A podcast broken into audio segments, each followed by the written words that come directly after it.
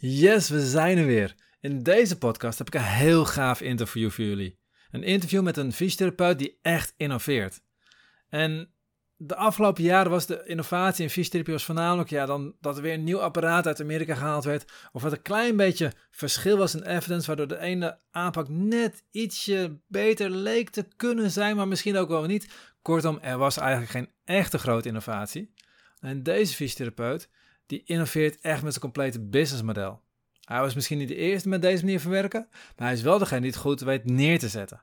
En dat is ook wat je in deze podcast gaat leren. Je gaat leren hoe je echt een innovatief businessmodel kan neerzetten. Hoe je iets kunt creëren wat waardevol is voor je klanten. Zo waardevol dat je ook een stuk hoger tarief kunt vragen dan wat de zorgverzekeraars aanraden.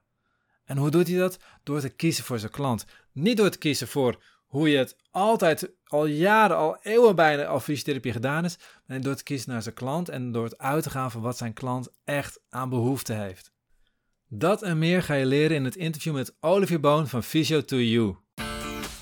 Hey hallo, Bas van Pelt hier. In deze podcast wil ik samen met jou kijken hoe je niet alleen kunt groeien met je praktijk, maar hoe je je praktijk zodanig laat groeien dat het jouw droomleven mogelijk maakt. Een praktijk met meer impact, meer omzet en meer vrijheid.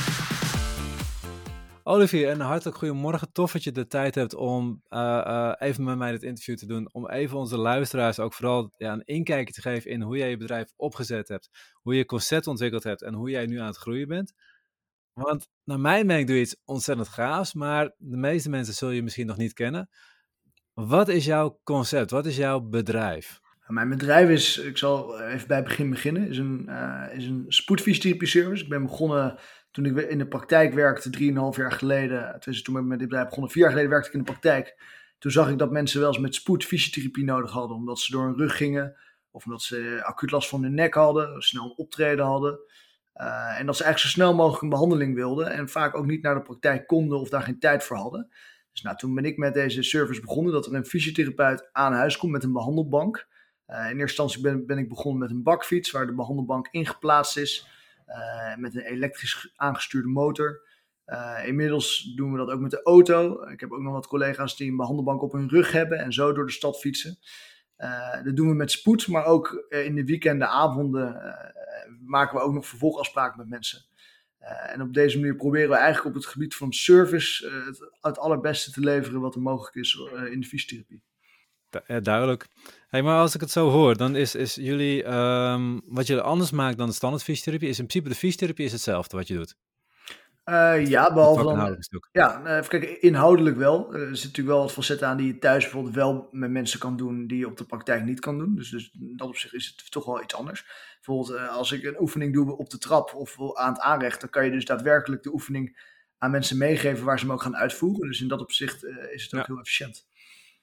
Ja, daar zit ook meteen een stuk meerwaarde in. Dat je eigenlijk gewoon in de ruimte van de mensen zelf oefent met een eigen materiaal. Zodat het voor hen ook makkelijker is om er zelf mee aan de gang te gaan, begrijp ik. Absoluut. Het maakt de kans ook groter dat ze de oefeningen uitvoeren. Ik denk dat wij allemaal als fysiotherapeuten wel herkennen dat de ene patiënt uh, ze wel uitvoert en de ander eigenlijk nooit, nooit oefeningen doen.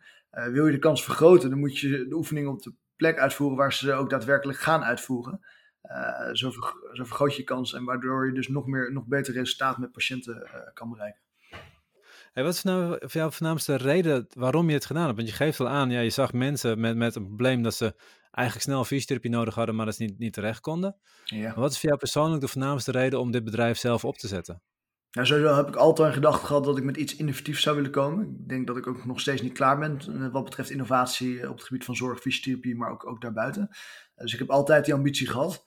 Uh, toen ik net begon met werken, toen, toen, toen, toen, liep ik door Amsterdam, waar ik net nieuw was gaan wonen. Ja, je zag Uber, je zag thuiszorg, je zag PostNL, je zag eigenlijk een ontzettende service-economie ontstaan. En uh, waarbij, als je naar de fysiotherapie keek, dat eigenlijk nog heel veel dingen hetzelfde werden gedaan als 30 jaar geleden. Natuurlijk zijn er wat ontwikkelingen plaatsgevonden, maar niet op dit soort servicegebied. En al helemaal niet op hoe wij aan elkaar aangesloten zijn als fysiotherapeuten. Nou, hier moet ook nog een hele hoop in bereikt worden. Maar dat was een beetje mijn ambitie. Ik zag ook dat mensen een probleem hadden. Uh, ze gingen door hun rug, ze konden geen kant op en wilden zo snel mogelijk een afspraak. En mijn collega zei bijvoorbeeld: neem een paracetamol en kom volgende week langs. Ik zei: hey, kom eens hier met die telefoon, ik kom er nu aan. Uh, dus je denkt, ja, dus je komt een bepaald probleem tegen, je hebt de ambitie om iets innovatiefs neer te zetten en je gaat ermee aan de slag.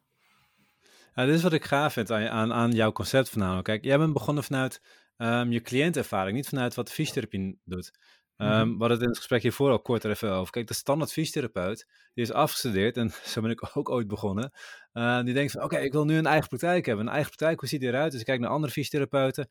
En ik zie van, oké, ik heb een, massagebank nodig, ik heb een polyapparaat nodig, ik heb een paar gewichten nodig, ik heb een bal nodig voor de mensen op kunnen zitten, zelf een krukje. Um, als ik ouderwets ben, nog pot massageolie erbij en dan ben ik een fysiotherapiepraktijk. Maar wat je zegt, juist, er zijn zeker innovaties geweest. Kijk naar trigger point therapie, kijk naar de hele anatomical trains, waar de laatste jaren veel meer naar gekeken wordt.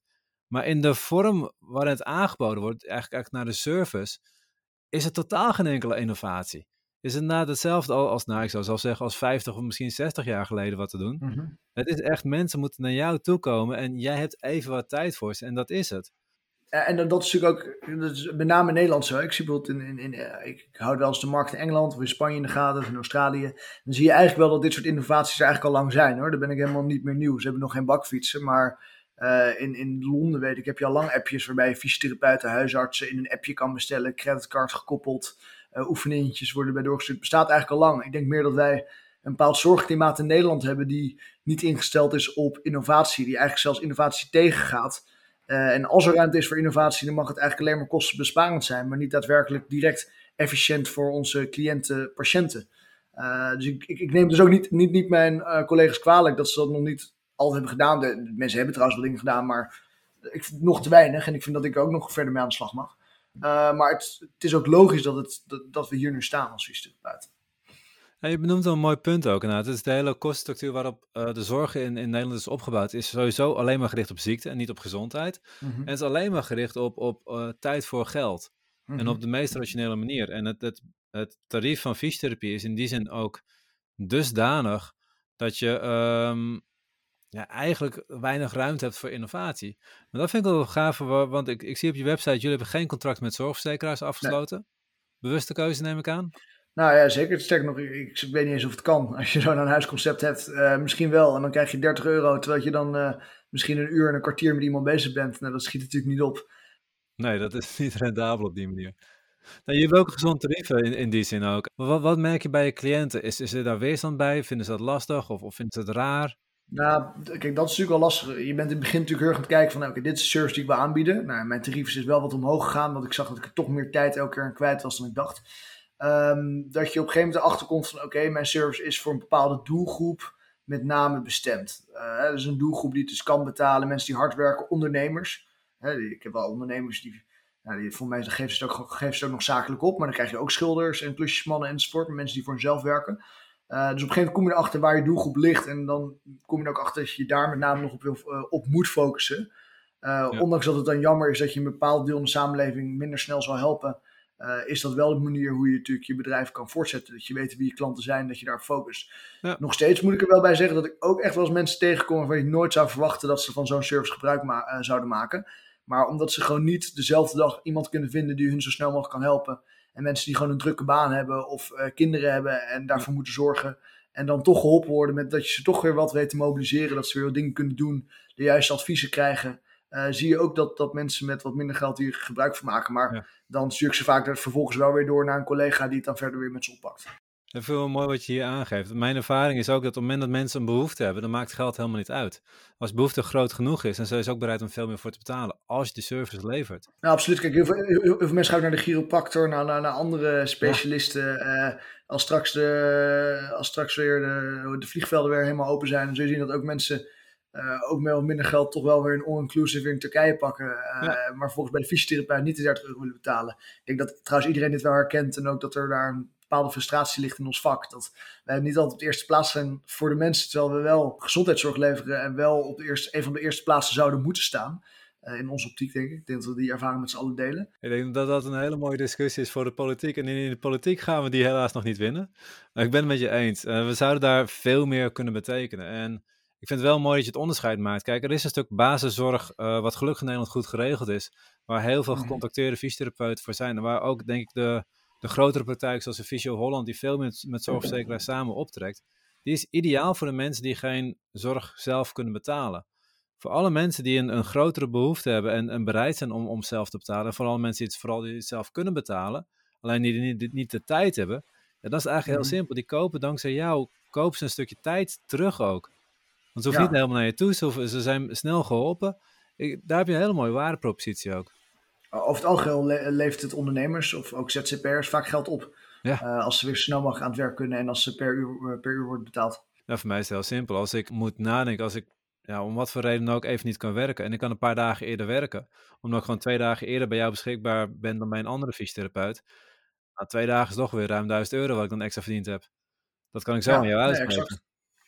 Exact. En uh, ja, bij sommige patiënten gaat het nog, nog wel wat hogere bedragen. Dus dan, dus dan wordt er helemaal niet meer over nagedacht. Of het wordt nog aan werkgevers gestuurd. Er zijn allerlei mogelijkheden natuurlijk. Um, het lastige, kijk, wij zijn heel erg, we hebben natuurlijk die titel fysiotherapie. En die fysiotherapie is geleerd aan die aanvullende verzekering dat maakt het soms lastig om daar, daar erg van los te komen. En natuurlijk heb ik ook echt wel eens de, de weerstand gehad en dan stuur ik mensen door. Maar toch um, probeer ik probeer toch de dingen te blijven doen die ik nu doe. En me op die groep patiënten te focussen. Eh, want die groep is er en die groep groeit ook steeds meer. Mensen die zijn niet altijd meer tevreden met het huidige zorgstelsel. Toch ook bij de fysiotherapie van ja, de behandeling duurt maar een half uur. Soms zie ik zelfs 20 minuten bij praktijken voorbij komen. Uh, toch, ja, omdat het tarief zo laag ligt, dus ik snap het ook. Ja, ik snap het zeker. Alleen als je een bepaalde kwaliteit wil leveren, heb je ook, ook een stukje tijd nodig ook. En hoe gaaf is het als jij gewoon een uur de tijd kunt nemen, omdat je tarief gewoon goed is? Ja, nee, exact. Dus ik, ik denk dat daar steeds, je ziet dat daar de behoefte steeds meer naartoe groeit. En ik ben heel erg benieuwd wat dat gaat doen met de aanvullende verzekering. Want die gaat natuurlijk ook toch weer duurder worden waarschijnlijk de komende jaren. Dus dan zal het ook steeds meer een afweging voor mensen worden of ze die aanvullende verzekering nog nemen. En dan kan het voor, ons als fysiotherapeut steeds interessanter worden om dat vrije tarief ook weer op te zoeken. Ja, en dat is ook een interessante marktontwikkeling. Want je ziet dat naarmate mensen meer zelf gaan betalen, ze ook zelf kritischer worden op waar ze naartoe gaan. Dan gaan ze ook eerder ja, meer afwegen wat, wat ze echt waardevol vinden. Maar heel eventjes, want je hebt een heel duidelijke uh, doelgroep, geef je aan. Ja. Had je die van het begin af aan helder? Of is dat meer dat langzamerhand ontwikkeld is bij je? Nee, helemaal niet. Nee, nee. nou, er waren wel mensen in mijn omgeving die zeiden, ja, dit wordt jouw doelgroep. En ik, ik wilde er eigenlijk niet helemaal aan geloven. Ik ben gewoon begonnen. Ik heb mezelf vindbaar gemaakt. Ik heb de kranten opgebeld dat ik besta. Ik ben gaan rondfietsen, flyertjes verspreid. Ik had wel ideeën over, ik ga naar hotels toe, ik ga naar kantoren toe, ik ga naar mensen thuis door de brievenbus. Ja, in het begin komt er natuurlijk nog helemaal niemand bijna. Uh, dat, dat groeit dan langzaam steeds verder. En op een gegeven moment ga je gewoon kijken, nou, uh, wie zijn mijn klanten, wie zijn mijn patiënten, uh, hoe oud zijn ze ongeveer, wat is ongeveer een gemiddelde inkomen qua schatting, ja. wat, wat voor werk doen ze, in welke gebieden wonen ze. en met die data probeer ik te kijken, oké, dan ga ik dus daar nog alleen maar reclame voor maken en de rest ga ik dus ook niet meer in investeren, want dat levert ja, dus te weinig op. Aan het begin had je echt eigenlijk geen idee. Dus je wil eigenlijk gewoon heel Amsterdam helpen. Ja, absoluut. Ja, ik dacht dat, het, uh, dat ik dat op die manier zou doen. Maar dan kom je... Nou ja, je ziet natuurlijk bijvoorbeeld bij... ik heb mezelf, probeerde mezelf terug te vergelijken met een Uber thuiszorg. Wat ik natuurlijk nog lang niet ben. En uh, nou, hopelijk gaat het natuurlijk ooit zover komen. Maar die, die, die, die, uh, die helpen toch wel de hele markt. Alleen die zitten natuurlijk toch ook wel op een... Die zitten qua tarieven toch ook zo laag mogelijk. Die proberen toch in alles het goedkoopste zijn. En ik denk dat dat... als je zo'n service opzet als deze, dat dat in ons vak niet mogelijk is. Nou, helemaal niet als je je collega's fatsoenlijk wil betalen. Want nee. daar moet ook nog een deel van overblijven. Ja, dat is zeker waar. Als je echt, echt uh, gezond tarief wil hebben. Sowieso vind ik dat als je in gezondheidszorg werkt als therapeut, om voldoende ruimte te hebben om al je nascholing te kunnen doen en naar je eigen kwaliteit te kunnen ontwikkelen en ook je product wat je dient, uh, wat je aanbiedt, te kunnen verbeteren, moet je gewoon ja. minimaal op 80 euro per uur zitten om ja. ja echt, echt kunnen investeren in jezelf ook. Dus ja, ik ben het helemaal met je eens. Uh, langzamerhand is jouw uh, doelgroep steeds helder geworden. Je, je, je, ja. bent, je geeft aan, je bent volgens steeds meer gericht op marketing gaan doen ook. Ja. Ik, ik, als ik jou op je website kijk, jij, bent, jij snapt marketing wel. Wat is voornamelijk jouw manier gevonden om, om echt bekend te worden, om zichtbaar te worden? Nou, in eerste instantie was het eigenlijk gewoon door, door met iets ludieks te komen. Dat was toch, toch de bakfiets in eerste instantie. Mm -hmm. uh, inmiddels rijden al wat meer in, in Nederland rond. Uh, er was ook al eentje voor mij, maar die is, wel, die is nog wat minder opgevallen bij de mensen. Uh, maar toch, het bleef toch iets ludieks in Amsterdam. Je was de eerste in Amsterdam die, die daarmee rondreed. Uh, dus de, in eerste instantie wilde media over je schrijven. Dus veel arts en auto. Dat was in april arts en fiets toen. Je had het Parool, het AD. En dat waren gewoon volle twee pagina's die je ook in één keer kreeg. En voor de rest ben ik ja, veel op, op social media gaan doen. Dat werkte aardig. En voor de rest, ja, ook je Google-vindbaarheid niet als de rest van de praktijken. Maar heel erg eigenlijk toch een beetje het moderne, dat mensen je willen volgen, dat mensen willen zien hoe gaat het met dit bedrijf. Dat je, de, ja, uh, dat je, dat je iedereen up-to-date houdt wat er gebeurt. Je zit toch meer op de content marketing. Bied je dan ook, ook veel, veel informatie via je website of via Instagram of, of Facebook accounts? Of? Ja, via mijn website wel, maar dat heeft natuurlijk ook met andere dingen te maken. Je probeert natuurlijk sowieso te kijken Dat je bepaalde blessures, dat je daar bepaalde aandoeningen, dat je daar pagina's voor maakt. Mhm. Uh, dat is natuurlijk belangrijk voor de vindbaarheid, maar ook om Ja. mensen te voorzien van informatie. Uh, voor de rest, eigenlijk is het natuurlijk social media meer van. Uh, je probeert, je probeert voor- vooral te laten zien wat je doet. Je komt met spoed, je komt dit weekend, je doet dry needling. uh, gewoon dingen waar mensen naar op zoek zijn. Ja. Je komt op kantoor, je, komt, uh, je kan het ook voor bedrijven doen. Dus, zo probeer je mensen in te lichten. En ja, in eerste instantie dacht ik, als ik zoiets post, dan krijg ik direct allemaal nieuwe patiënten, klanten erdoor. Maar zo werkt het nooit direct. Het is iets wa- wat je op lange termijn moet opbouwen. En ineens word je dan gebeld door dat, door dat bedrijf of door die nieuwe patiënt. Of uh, zo heb ik ook nog een keer uh, bij een NPO-serie uh, heb, ik, heb ik iemand mogen behandelen. In dit geval mag ik dat zeggen, omdat hij dat zelf online had gezet. Maar dan mocht ik Barry Asma daar, uh, daar helpen. Ja, dat zijn natuurlijk toch, toch grappige dingen om mee te maken. En ook weer goed voor je content om dat zo weer door te pakken. Ja, ja, absoluut. Dat zijn wel dingen waarmee je wat meer, ja, echt gewoon meer opvalt inderdaad ook. Sommige dingen vind ik ook wel leuk hoor, herken ik ook wel. Ik ben nog van de, van de ouderwetse tijd dat je nog, nog een advertentie zet in een lokale suffertje. En dat je dan vervolgens ja. uh, niks erop kreeg. Maar een jaar later kwam er dan een cliënt in je praktijk, een oudere dame, die had nog dat oude knantenknipsel van ja. een jaar geleden uh, nog bij zich. Dus ik snap ook wel, uh, social media merk, merk ook hetzelfde. Je moet echt, echt opbouwen, bekend worden. Dus je moet je een aantal keer Mhm. voordat ze vertrouwen hebben in je. En als ze eenmaal vertrouwen hebben, je, en ze komen een keer op het punt dat ze een behoefte hebben, omdat ze ineens een blessure hebben. En dan gaan ze pas ineens bellen naar je. Ja, maar dat verschilt natuurlijk per gebied. Hè? Uh, ik bedoel, waar je praktijk of je bedrijf gevestigd is. Kijk, in de stad ja. werkt bijvoorbeeld uh, de Google-vindbaarheid heel goed. Maar bijvoorbeeld in het dorp zal dat minder goed werken. Dan zou je meer de naamsbekendheid moeten opbouwen. Dus dan zou misschien het lokale blaadje veel meer waardevol zijn dan in een grote stad. Dus dat zijn ja, natuurlijk dingen waar je heel goed over na moet denken. Ja, mijn ervaring is juist dat in kleine dorpen uh, via Google met therapeuten met wie ik werk, dat die heel makkelijk uh, uh, gevonden kunnen worden. Juist omdat ja. je weinig concurrentie hebt en heel makkelijk bovenaan kunt komen met Google. In Amsterdam zou ik verwachten, omdat er zoveel praktijken zijn en vast wel genoeg praktijken zijn die ook SEO snappen of daar iemand voor ingehuurd hebben, dat het daar lastiger zou zijn juist om, om goed vindbaar te zijn. Jij ervaart het anders. Ik ben, eigenlijk, ik ben het wel met je eens. Amsterdam is één grote SEO-oorlog. Het is echt ja. niet meer grappig. Uh, Google is de grote winnaar. Wij zijn, wij zijn nog meer de verliezer aan het worden op deze manier. Uh, sommige mensen, je hebt ook praktijken die stellen het in, die snappen het niet, waardoor ze dus te veel betalen, waardoor jij dus ook weer meer moet betalen. Ja. Uh, dus daar ben ik wel met je eens. Dan heb je natuurlijk in zo'n klein dorp, dan is ook je Google. Sterker nog, dan, dan heb je de hele advertising al vrij snel niet eens meer nodig. Dan is je, dan is je dan Nee, is klopt. vindbaar zijn op Maps is al bijna genoeg. Um, klopt, daar ben, daar ben ik het wel met je eens. Uh, het enige is wel dat in de stad ben je misschien meer afhankelijk van, van iets uh, als Google. Ja. Um, want mensen kijken nog alleen maar via Google. Uh, via via ja. wordt er wel eens een fysiotherapeut doorgegeven. Maar ik denk ook in mijn vriendengroep dat de meeste mensen, nou ze kennen mij dan nu, maar de meeste mensen zouden het niet eens meer vragen in de, in de groepsapp, maar die zouden direct zelf gaan googlen. Ja, dat ken ik ook wel. Helemaal de jongere generatie, die, die, die, die pakt eerder een telefoon dan dat ze eventjes een vinger opsteken, zeg maar, om, om zich heen. Um, ja. Maar ik begrijp, je dat ook met Google Ads uh, gebruik je? Ja. Wat werkt voor jou het beste? Waar komen de meeste cliënten uh, voor jou binnen? Dus ik ben wel veel aan het weggeven, maar maakt niet uit. Uh, nee, uh, ja, via, via zeggen, hoor. Nee, dat vind ik geen probleem. Iedereen kan het allemaal doen. Dus dat, nee, via, via Google komen veel cliënten binnen, maar dat is zowel ads als, ads als organisch. via via ook wel steeds meer. Hè? Want dat is natuurlijk, in het begin ben je dan heel erg afhankelijk van Google als je opstart. Ja. Maar op een gegeven moment ga als je het goed kent, doet, dan kan je ook niet via via krijgen. Maar als je mensen goed helpt, dan gaan zij het dan weer via via weer doorgeven. Dus Ja. dan is die Google Ad weer een stuk waardevoller geweest achteraf dan in eerste instantie. Merk je dan ook dat je social media ehm, dan, dan ook meer gedeeld wordt of meer geliked wordt? eh? Ja, al moet ik zeggen, social media zit een beetje op de achtergrond, werkt een beetje. Ja. Eh, maar ook niet extreem hoor. Want het is toch als mensen pijn hebben, gaan ze googlen. Dat, Ja, zo is simpel is het. Het zijn vaak acute dingen en op het moment dat ze vanaf zijn, dan zijn ze ook niet meer betrokken vaak ook. Precies. Nou, ik ben nu ook wel bezig om wat meer, meer personal training aan mijn bedrijf te gaan koppelen. Uh, Ja. Ook omdat, kijk, uh, wij als fysio- ik zie iemand gemiddeld, ik heb natuurlijk een laag behandelgemiddelde.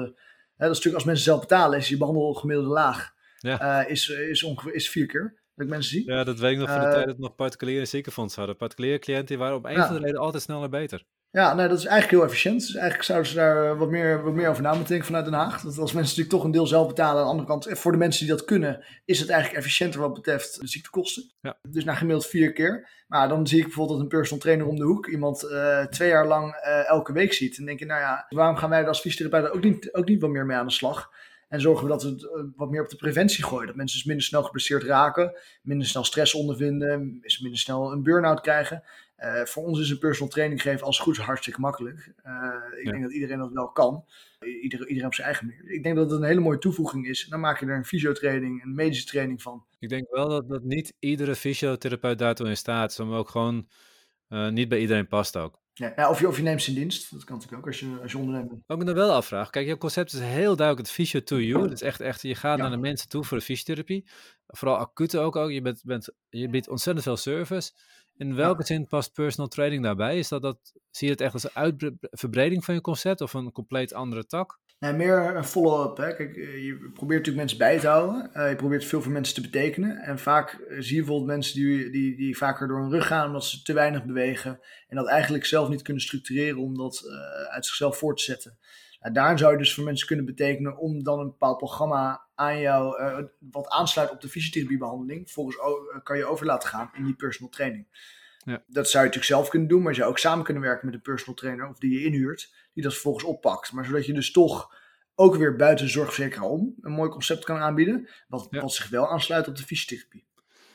De laatste wat je zegt ik helemaal mooi. Ik ben een groot voorstander van om niet alleen maar afhankelijk te zijn van één, één inkomensstroom. En op het moment dat je Mhm. dingen biedt die door de zorgverzekeraar vergoed worden, ja, dan heb je eigenlijk maar één inkomensstroom. Sterker nog, je hebt maar één opdrachtgever, dat is de Nederlandse Zorgautoriteit. Ja, En daarachter de overheid. En nou ja, wat we een aantal jaar geleden met diëtisten gezien hebben, die werden op een gegeven moment ineens niet meer vergoed in de basisverzekering. Ja. Er werd aan het eind van het jaar besloten, ze zaten nog niet in de aanvullende verzekering daardoor. En ik heb Ja. van praktijken, ze zien gaan van vier werknemers naar, maar naar twee werknemers parttime, waar het eerst vier fulltime waren. Ja, daarom. En die, en, die, en, die, en die afhankelijkheid is sowieso geen fijn gevoel. En we weten nog helemaal niet wat de toekomst gaat brengen. Eh, Nee. Wat betreft fysiotherapie. We staan op zich wel goed op de kaart, maar tegelijkertijd willen ze wel zo min mogelijk geld van ons kwijt zijn. Nou, ik kan één ding wel zeggen wat het gaat brengen de toekomst. En dat is in ieder geval niet meer vergoeding. Nee, nee ik denk, denk nou, je hoort af en toe wel eens een, een procentje erbij. Maar als je, dat, eh, naast, als je dat naast de inflatie zet, dan gaan we er, blijven we erop achteruit gaan. Dus ik, ik, ik- denk ook niet inderdaad, dat, ik denk ook niet dat we er heel erg nog- op moeten hopen of voor moeten gaan demonstreren. Want het schiet, natuurlijk moeten we ons kenbaar maken als vak en, en laten zien dat, eh, dat we heel belangrijk zijn voor de mensen. Fysiotherapie is een zeer waardevol vak. En juist in de eerste lijn. Ze besparen eigenlijk ontzettend veel geld door meer naar de eerste lijn te trekken. En in die zin ook, als je naar orthopedie kijkt, alles wat de orthopeed vergeet te vertellen. En wat daardoor vervolgens door, door, voor, voor eh, recidieven kan veroorzaken. Dat vertelt de fysiotherapeut wel. Dus alleen, al, alleen dat stukje al, al zou je gewoon na elke operatie één of twee sessies fysiotherapie maar hebben, dan bespaar je eigenlijk alweer geld eh, door recidief te voorkomen. Ja. Ja, maar dat is natuurlijk lastig. Natuurlijk- Het is, daar ga ik dan vanuit bij die zorg, eh, bij de zorgverzekeraars, daar werken vaak mensen een paar jaar en die gaan er Ja. dan over. En, eh, en die moeten in die paar jaar laten zien dat ze dat, ze, dat, ze dat aan die kosten weten te doen. En dan, eh, en dan is de volgende weer aan zet. Dus ja, en, en dat zijn systemen die ook niet zo heel snel 1, 2, 3 zullen veranderen. Ik denk meer dus dat het inderdaad aan ons is om, om harder met ons vuist op tafel te slaan, dat we ook meerdere inkomstenstromen kunnen hebben. Dus bijvoorbeeld, je kan bijvoorbeeld met verzekeraars werken. Maar je kan ook Ja. zeggen, nou, we kunnen je een uur behandelen en dan doen we dat zonder contracten.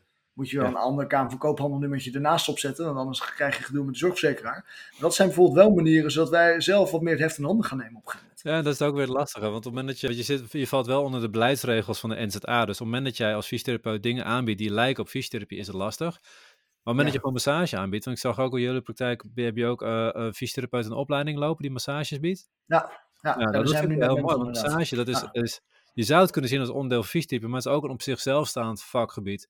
Wat je gewoon kunt aanbieden, inderdaad, zonder vergoeding of iets dergelijks, zonder declaratie. De tarieven kan je hoger, eh, kan je hoger maken dan, dan fysiotherapie. Eh, omdat Ja, je helemaal Dat is ook bizar. Mensen betalen meer geld Ja. voor, voor massage dan voor fysiotherapie. Ik heb meerdere ma- masseurs en personal trainers gesproken die allemaal meer verdienen dan, eh, dan fysiotherapeuten. Veel meer zelfs. Ja. Ja, klopt. Ja, dus dat is, dat is toch wel pijnlijk voor ons. Maar eh, wat ik al zei, niet bij de pakken neerzitten, oppakken en eh, kijken wat, Nee. wat we daaraan kunnen doen. Het heeft nog niks te maken met kwaliteit. Het heeft veel meer te maken met, met historische ja, gedachten over de zorg dat dat gratis moet zijn. Plus de positionering Mhm. van de praktijk momenteel. Daar doe jij een hele mooie stap in door gewoon jezelf echt neer te zetten. Zeg van, hey, ik sta voor wat ik, wat ik doe. Ik ben wat waard en ik bied ook een stuk meerwaarde. Je laat die service ook, laat je echt voornamelijk ook zien. Nog een paar andere dingen waar ik over na zit denken. Want je gaf al aan, sommige dingen kan je juist beter doen ook in, in, in, de, bij de mensen thuis. Dat je ze gewoon Mhm. ter plekke kan laten oefenen. Zijn er dingen die jij niet kan? Nou, als je bijvoorbeeld echt een leg press nodig hebt en dat soort dingen, eh, dan kan dat natuurlijk niet. Dus nou, bijvoorbeeld een voorste kruisbandrevalidatie. eh ja, kan je doen, maar ik zou toch zeggen, ga gewoon naar die praktijk. Het heeft ook een bepaalde structuur. Dus die mensen stuur ik eigenlijk door. Eh, trouwens, ik heb nu ook wel een praktijklocatie de, de, erbij, maar het is nog steeds 90% aan huis. Ja. Ehm, maar nee, dus ik denk dat soort dingen. Dus echt, echt die, die, die revalidatie waarbij je echt nog wat meer materie nodig hebt. Dat dat eh, net wat lastiger is. Ja. Dus in die zin maak je ook echt wel een keuze van, oké, die cliënten neem ik wel aan en die andere cliënten neem ik niet aan. Nou, meestal krijg je ook niet echt de aanvragen voor mensen met een voorste kruisband. Uh, Wat je natuurlijk wel kan doen, is die mensen die komen net uit een operatie. Ga je dan eerst twee keer thuis behandelen. Kijk je wat je voor ze kan betekenen. Op een gegeven moment dan, dan bel ik een collega. Nou, hier heb je een voorste kruisbandrevalidatie. Ja. Pak deze even op. En dan heb je ook een netwerk van collega's om je heen? Zeker, ja. Ik ken heel veel, heel veel fysiotherapeuten buiten Amsterdam. Ja, ja, het, is toch wel grappig. Dat, ik ken best wel veel mensen die uiteindelijk allemaal toch weer allemaal in Amsterdam zijn gaan wonen. Je merkt toch een beetje dat hier de we zeggen dat de jonge mensen, ik ben nu 27, tussen de 25 en 35, dat er een hele grote groep dan in Amsterdam woont. Een deel gaat daarna weer weg. Ja. Maar dat is, dat is toch gezellig en leuk en dan kan je elkaar ook weer makkelijk vinden. Ik denk dat daar ook de, kracht zit. Op het moment dat je uh, weet wie je doelgroep is, dan ook, ook gewoon heel duidelijk zeggen van ja, dit is voor mij en, en deze stuk door. Je hebt daar een goed netwerk om je heen. Dan ben je mhm. zelf zo sterk aan het positioneren, niet alleen naar je cliënten toe, maar ook naar je collega's toe, dat zij ook weten wanneer ze weer naar jou kunnen sturen. Absoluut. Ja, maar dat is heel erg belangrijk. En kijk, eh, ik, ik, natuurlijk ben je, als je onder, ondernemer bent, dan moet je denken aan, aan je omzet, aan je inkomsten, aan je uitgaven enzovoort. Maar in eerste instantie zijn wij toch zorgverleners. Ze staan de patiënt op de eerste plaats. En ik denk juist als je dus uh, meer patiënten wil binnenhalen, is het juist belangrijk dat je altijd eerlijk een goede verhaal vertelt. Mensen blijft helpen. Ik denk dat dat altijd op nummer 1 blijft staan. Ondanks dat wij het nu hebben over omzet draaien, over marketing enzovoort. Hoort er allemaal bij. Maar ik denk uh, dat we deze gedachtegang altijd vast moeten blijven houden met z'n allen. Nou, sterker nog, ik denk zelfs dat het juist als ondernemer essentieel is om op deze manier te denken. Maar mijn ervaring, en ook met de uh, therapeut die ik heb mogen coachen, is op het moment dat je vaker nee gaat zeggen tegen cliënten, ga je juist meer cliënten krijgen. Dat je dus ook nog duidelijker zegt van dit is mijn patiëntengroep die ik wel behandel en hier zijn wij de beste in. Ik denk dat daar zeker wat in zit inderdaad. En wat merk je dan, dan in, in, uh, met de collega's om je heen? Merk je dan dat er vooral heel veel uh, goodwill is, dat ze me graag wil samenwerken? Of merk je dat ze ook nog wel heel veel zitten op het niveau van jij bent de concurrent en jij pakt mijn klanten af? Een beetje van beide, uh, hangt, hangt er een beetje vanaf. Uh, sommigen die, die, die zijn heel erg open voor samenwerking, maar wat, wat je wel merkt, dan, ik heb wel met meerdere collega's gehad dat je dan zo'n samenwerking aanging.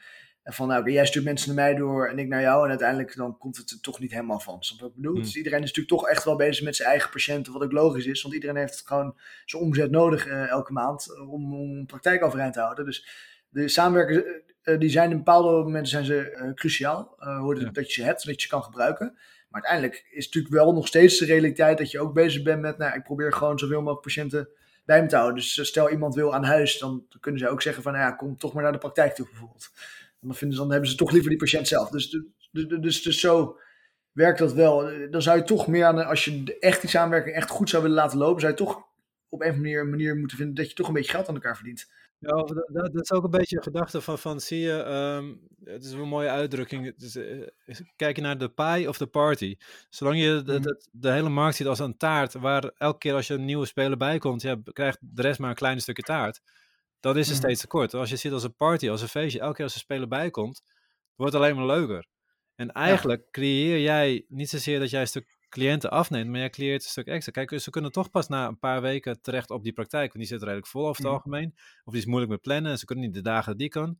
Dus alleen al als jij zo die eerste twee weken gewoon eventjes wel die, die cliënten zien, dan is een praktijk die met jou samenwerkt alweer veel interessanter dan een praktijk die niet met jou samenwerkt in principe.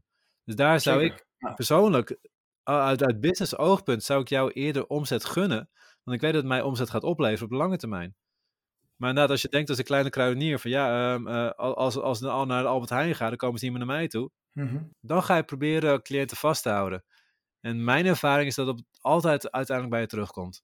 Nee, precies. Ik denk, juist ook als wij onszelf uh, als fysiotherapeut sterk willen maken te, te, ten opzichte van zorgverzekeraars. Hè, want ik denk dat we steeds meer naar een niveau zouden willen dat we minder afhankelijk van ze zijn. Voor, mhm. voor de ene is dat makkelijker praten dan voor de ander. Maar dan moet je dus juist elkaar snel kunnen vinden juist snel naar elkaar toe kunnen schakelen. En ook bepaalde informatie juist met elkaar kunnen delen. Uh, zodat we hier steeds meer tegen bestand zijn. Ben ik het helemaal mee eens. Toen jij begon, hoe waren de reacties van de andere therapeuten? Waren ze meteen enthousiast, geïnspireerd? Of, of kreeg je... Uh, nou, nou beide. Uh, nee, nee, nee, de meeste, de meeste vonden het wel leuk. Uh, sommigen moesten wel een beetje om je lachen. Ik heb natuurlijk nog steeds, als ik met die bakfiets naar Amsterdam scheur, dat vrienden altijd wel even moeten lachen, dan heb je hem. Nou, wat ze wel maar mooi vinden, bestaat nog steeds. Dus dat betekent dat, dat het ook goed gaat. En het gaat ook goed. Ja. Uh, maar in eerste instantie waren de reacties inderdaad, of mensen moesten erom lachen, of mensen vonden het echt heel gaaf en die gingen helemaal uit hun dak. Of ze waren kritisch, ze zeiden, oh wat duur, uh, durf je zoveel te vragen aan uh, patiënten? terwijl, toen was mijn terwijl toen was mijn tarief nog veel lager dan nu. Maar als je, als je terugrekent, eh, je kan natuurlijk toch niet mensen achter elkaar zien in de praktijk. Dus, dan, eh, dus, dus het is ook wel van belang dat je dat soort hoge tarieven hanteert, want anders kom je er echt niet. Ja. Dus, nee, dus dat waren eigenlijk een beetje de reacties, dus verschillend, maar over het algemeen wel heel positief. Want, Hoe ben je daarmee omgegaan? Want ook juist, kijk, de positieve eh, reacties, daar kan iedereen mee omgaan. Maar die weerstand, die kritische reacties, hoe ben je daarmee omgegaan? je probeert ze, nou, je, je luistert naar. En sommigen denken, dat is echt totale onzin, hup, op naar de volgende. En anderen denken, nou, daar ga ik iets mee doen.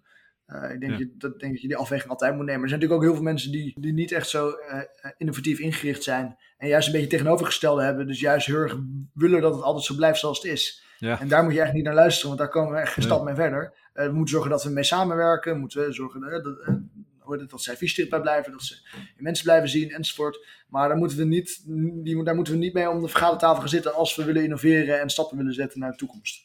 Nee, sowieso. Dat zijn verkeerde mensen om naar te luisteren.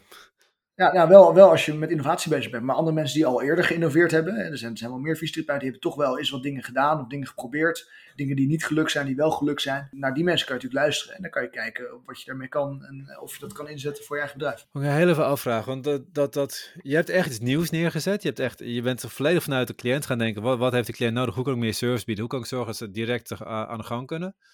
Ja. Je zei ook in het begin was het moeilijk om, om, om klant echt te vinden wie je doelgroep was.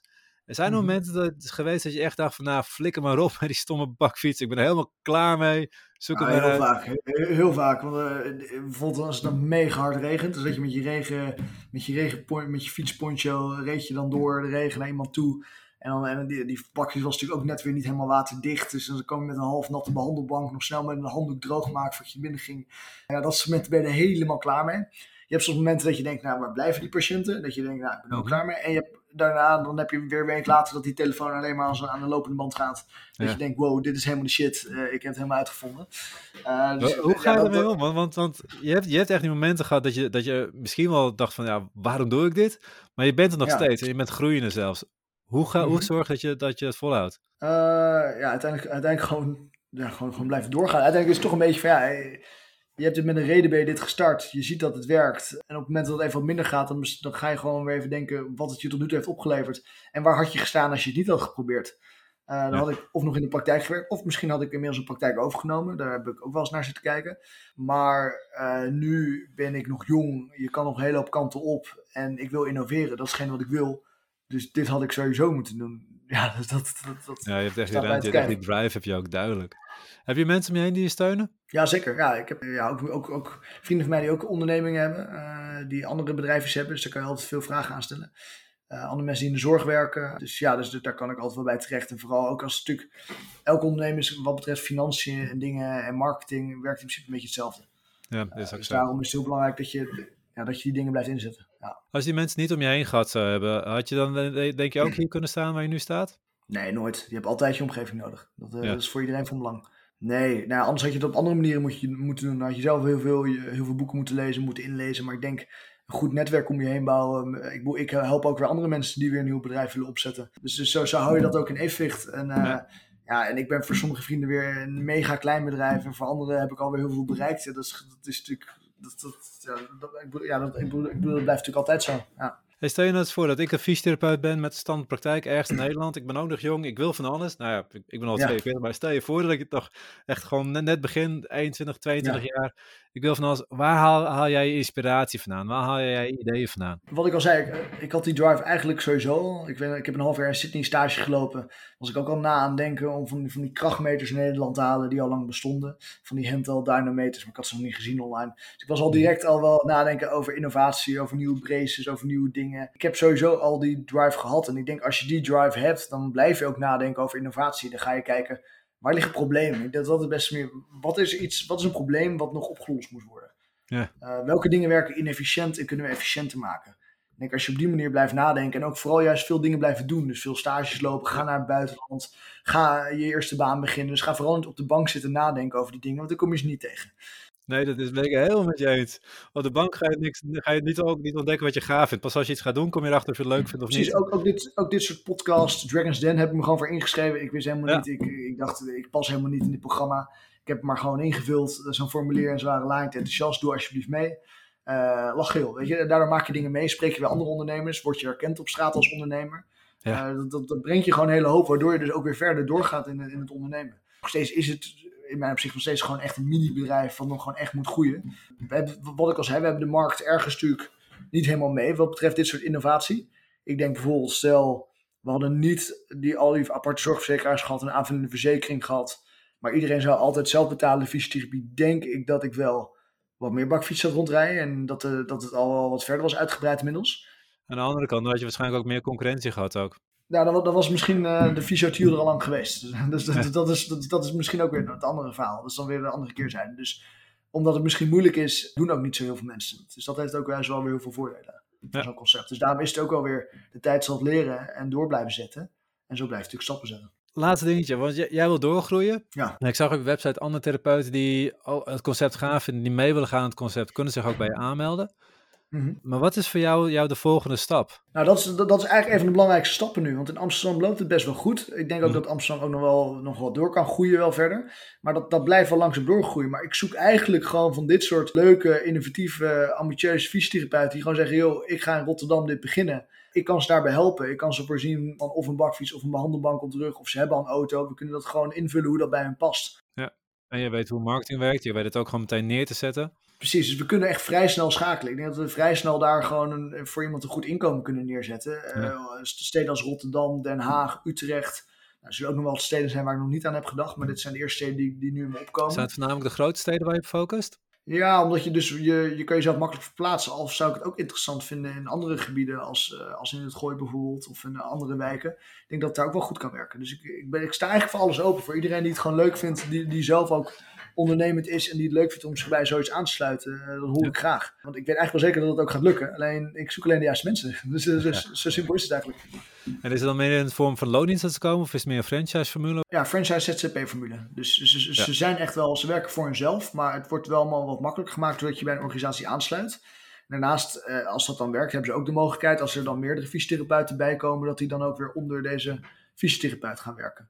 Ja, precies. Dus je kan echt gewoon een grote praktijk opbouwen, zelfs een complete regio van praktijken opbouwen mhm. onder jouw naam. Ja, en relatief neem je dus weinig risico. Ik heb relatief ook voor een bedrijf weinig risico genomen, vind ik zelf. Ik ben best bereid om op een gegeven moment meer, meer, risico te nemen, maar ik vind het veel leuker om te doen wanneer je concept al een beetje werkt. Hè? Want ik weet wel dat die patiënten in principe blijven binnenkomen. Ze weten me te vinden, via via ook. Ik krijg ook wel eens aanvragen uit steden, uit Rotterdam, uh, Utrecht uh, en Den Haag.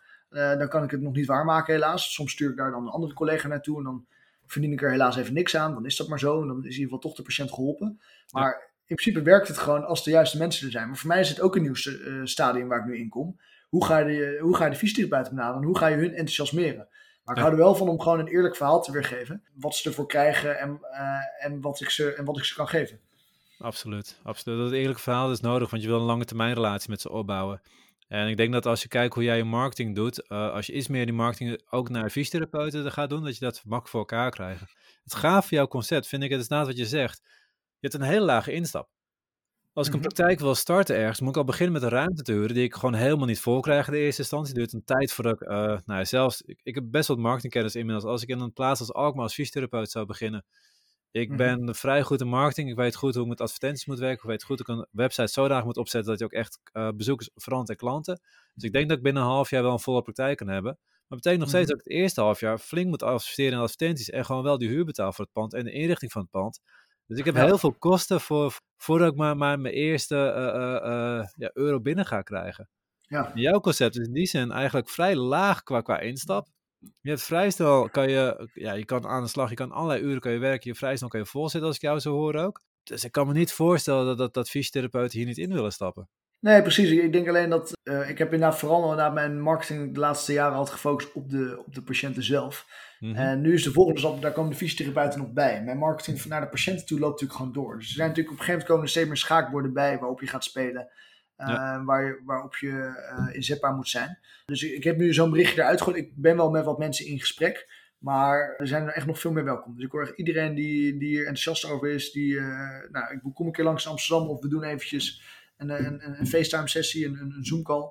En dan kunnen we gewoon even kijken. Want wat ik zei, het werkt nu in Amsterdam. Het gaat ook in die andere steden werken. En ik heb ja. ook het qua software, heb ik het ook allemaal klaar liggen. Dat die samenwerking ook goed werkt qua betalingen. Je krijgt snel betaald. Uh, bij de zorgverzekering duurt dat weer twee maanden. Ik, heb het, uh, ik laat mensen direct betalen na de behandeling. Ik heb het, al direct, ik heb het direct in mijn rekening ook. Een gezond tarief ook meteen? Gezond tarief, precies. Dus de, en dan kan je ook wat mee. En dan voor het gezond tarief is het ook voor mij te doen om bijvoorbeeld collega's te vragen. Nou, er is net iemand door zijn rug gegaan. Kan je op spoed op zondagmiddag naar, naar deze en deze persoon toe gaan? Daar kunnen we ook op mee. Daar kunnen we ook op meerdere momenten inzetbaar zijn en werken. En, en echt hetgene voor de patiënten betekenen wat we willen betekenen. Ja, gaaf. Ja, ik vind het een gaaf concept. Ik vind het mooi hoe je het neergezet hebt. Ik, ik, ik, ik hoor ook echt dat je wel aardig wel wat struggles gehad hebt om het te creëren. En, en ik zie ook, ook de groei erin. En ik, ik kan me ook heel goed voorstellen dat ten eerste in veel meer, ja, vooral grote steden, kan het heel makkelijk ja, eigenlijk hetzelfde concept uitrollen, hoef je niet eens iets aan te veranderen. De toevoeging van de bootcamp kan ik me ook heel mooi voorstellen, juist om, om klanten uh, vast, te houden en, en gewoon na de fysiotherapie een stuk meer te kunnen bieden. Ja, je, je, je hebt een stuk retentie erbij zitten, je hebt een stuk uitbreiding van je productportfolio, vind ik ook een gave kans in. Mhm. Ik zie alleen maar groeimogelijkheden. Nou, ik, ik, geef, ik, ik geef een voorbeeld inderdaad. Als ik mensen dus, wat ik al zei, uh, patiënten zie ik gemiddeld vier keer. Ik heb nu een paar aantal mensen ook personal training eraan vastgeplakt. Ik denk dat de gemiddelde dan op 30 keer staat voor hetzelfde tarief per keer. Dus, dus ik wil, ik ben gek, we zijn gek als we het niet, niet eraan toevoegen. Is zo. Nou, je moet wel een product vinden wat bij jou past ook. Ik ben totaal geen personal trainer type. Maar ik ben veel meer mhm. van de meditaties en ontspanningsoefeningen eh, type. Dus ja, dat is wat ik dan aanbied in een, in een app ja, of iets dergelijks. Ja, en, en dan is het dus gezond om, om, om, een goede groep collega's te hebben waarmee je samenwerkt. Dat je ook zegt, nou ik draag je nu over aan deze collega. Heb ik natuurlijk het liefst dat hij alsnog bij Physiotio is aangesloten. Want dan houden we het mooi onder één dak. Maar dat zijn, dat zijn de manieren hoe je toch die, een mensen zijn naar op zoek. Dus het is mooi als wij dat dan ook invullen als fysiotherapeut. Ja, dat is wat je zegt. Ze zijn naar op zoek. Ze hebben een veel grotere behoefte dan alleen van enkel af, te komen. En moment je door hebt dat die behoefte is van je cliënt, uh, dat is het allergaafste van jouw grote, van je concept. En ook van hoe jij verder wil doorgroeien. Ook wat je vertelt over hoe je innovatie ziet en hoe je um, de hele therapievorm ziet. Jij gaat uit van er is een klant en die heeft een probleem. En je moet het probleem oplossen. En je gaat niet uit van wat jij doet. Je gaat totaal niet uit van fysiotherapie. Jij mhm. gaat uit van een klant en daar zit jouw grootste kracht en jouw grootste meerwaarde ten opzichte van al die ontzettend goede vakbroeders die we hebben, die, die vakinhoudelijk echt, echt nou, extreem gespecialiseerd zijn, supergoed zijn. Maar zolang je niet naar het probleem van je klant krijgt, kijkt, dan, dan ben, je niet, ben je je vak aan het oefenen en niet een onderneming aan het opzetten. in principe gewoon een hulpvraag, hè? hoe we dat geleerd hebben bij de studie. Gewoon, gewoon een hulpvraag vervullen. Ja, je leert het uh, op de opleiding al. Ja, eigenlijk alleen duidelijk achterkomen, wat is die hulpvraag?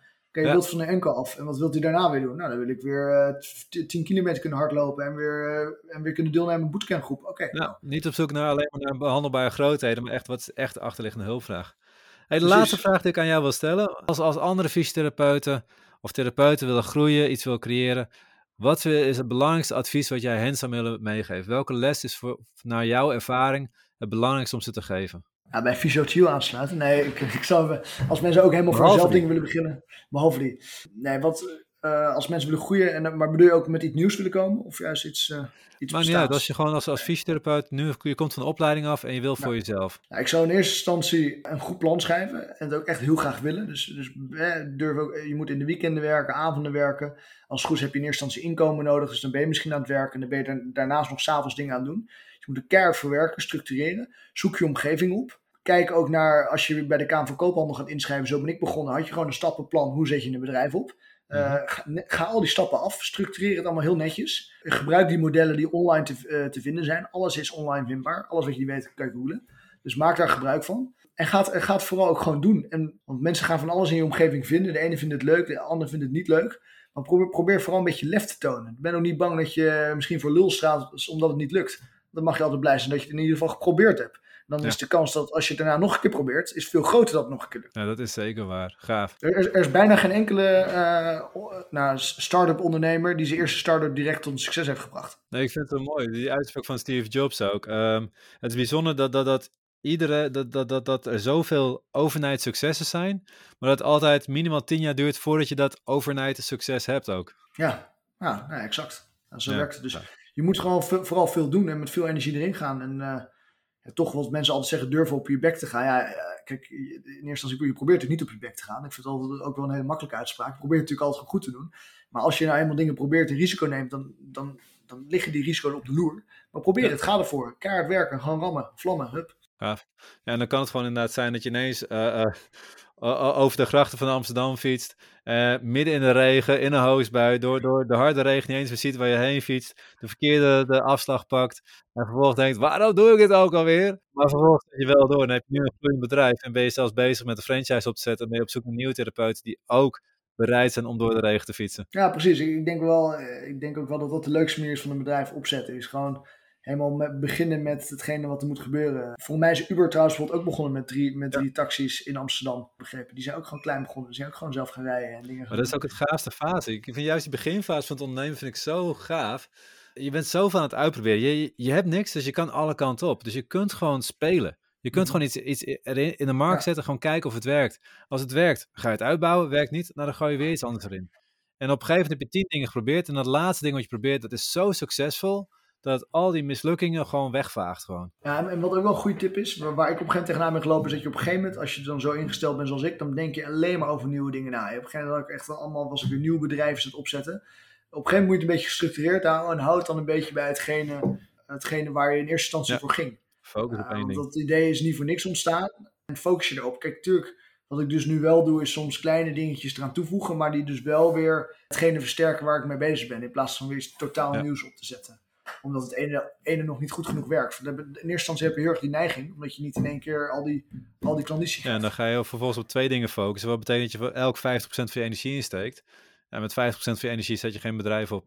Nee, exact. Olivier, ik wil je ontzettend bedanken voor je tijd. Uh, gaaf, bedankt ook voor je inspiratie en, en bedankt voor het delen van, van jouw ideeën. Uh, ik denk dat dit super waardevol is voor fysiotherapeuten. En ik raad andere fysiotherapeuten zeker aan om jou te volgen. Alles alleen maar gewoon om, om te zien wat de innovatie zijn die je nog gaat brengen. Maar vooral de, in de fysiotherapeut die geïnteresseerd zijn om contact met jou op te nemen.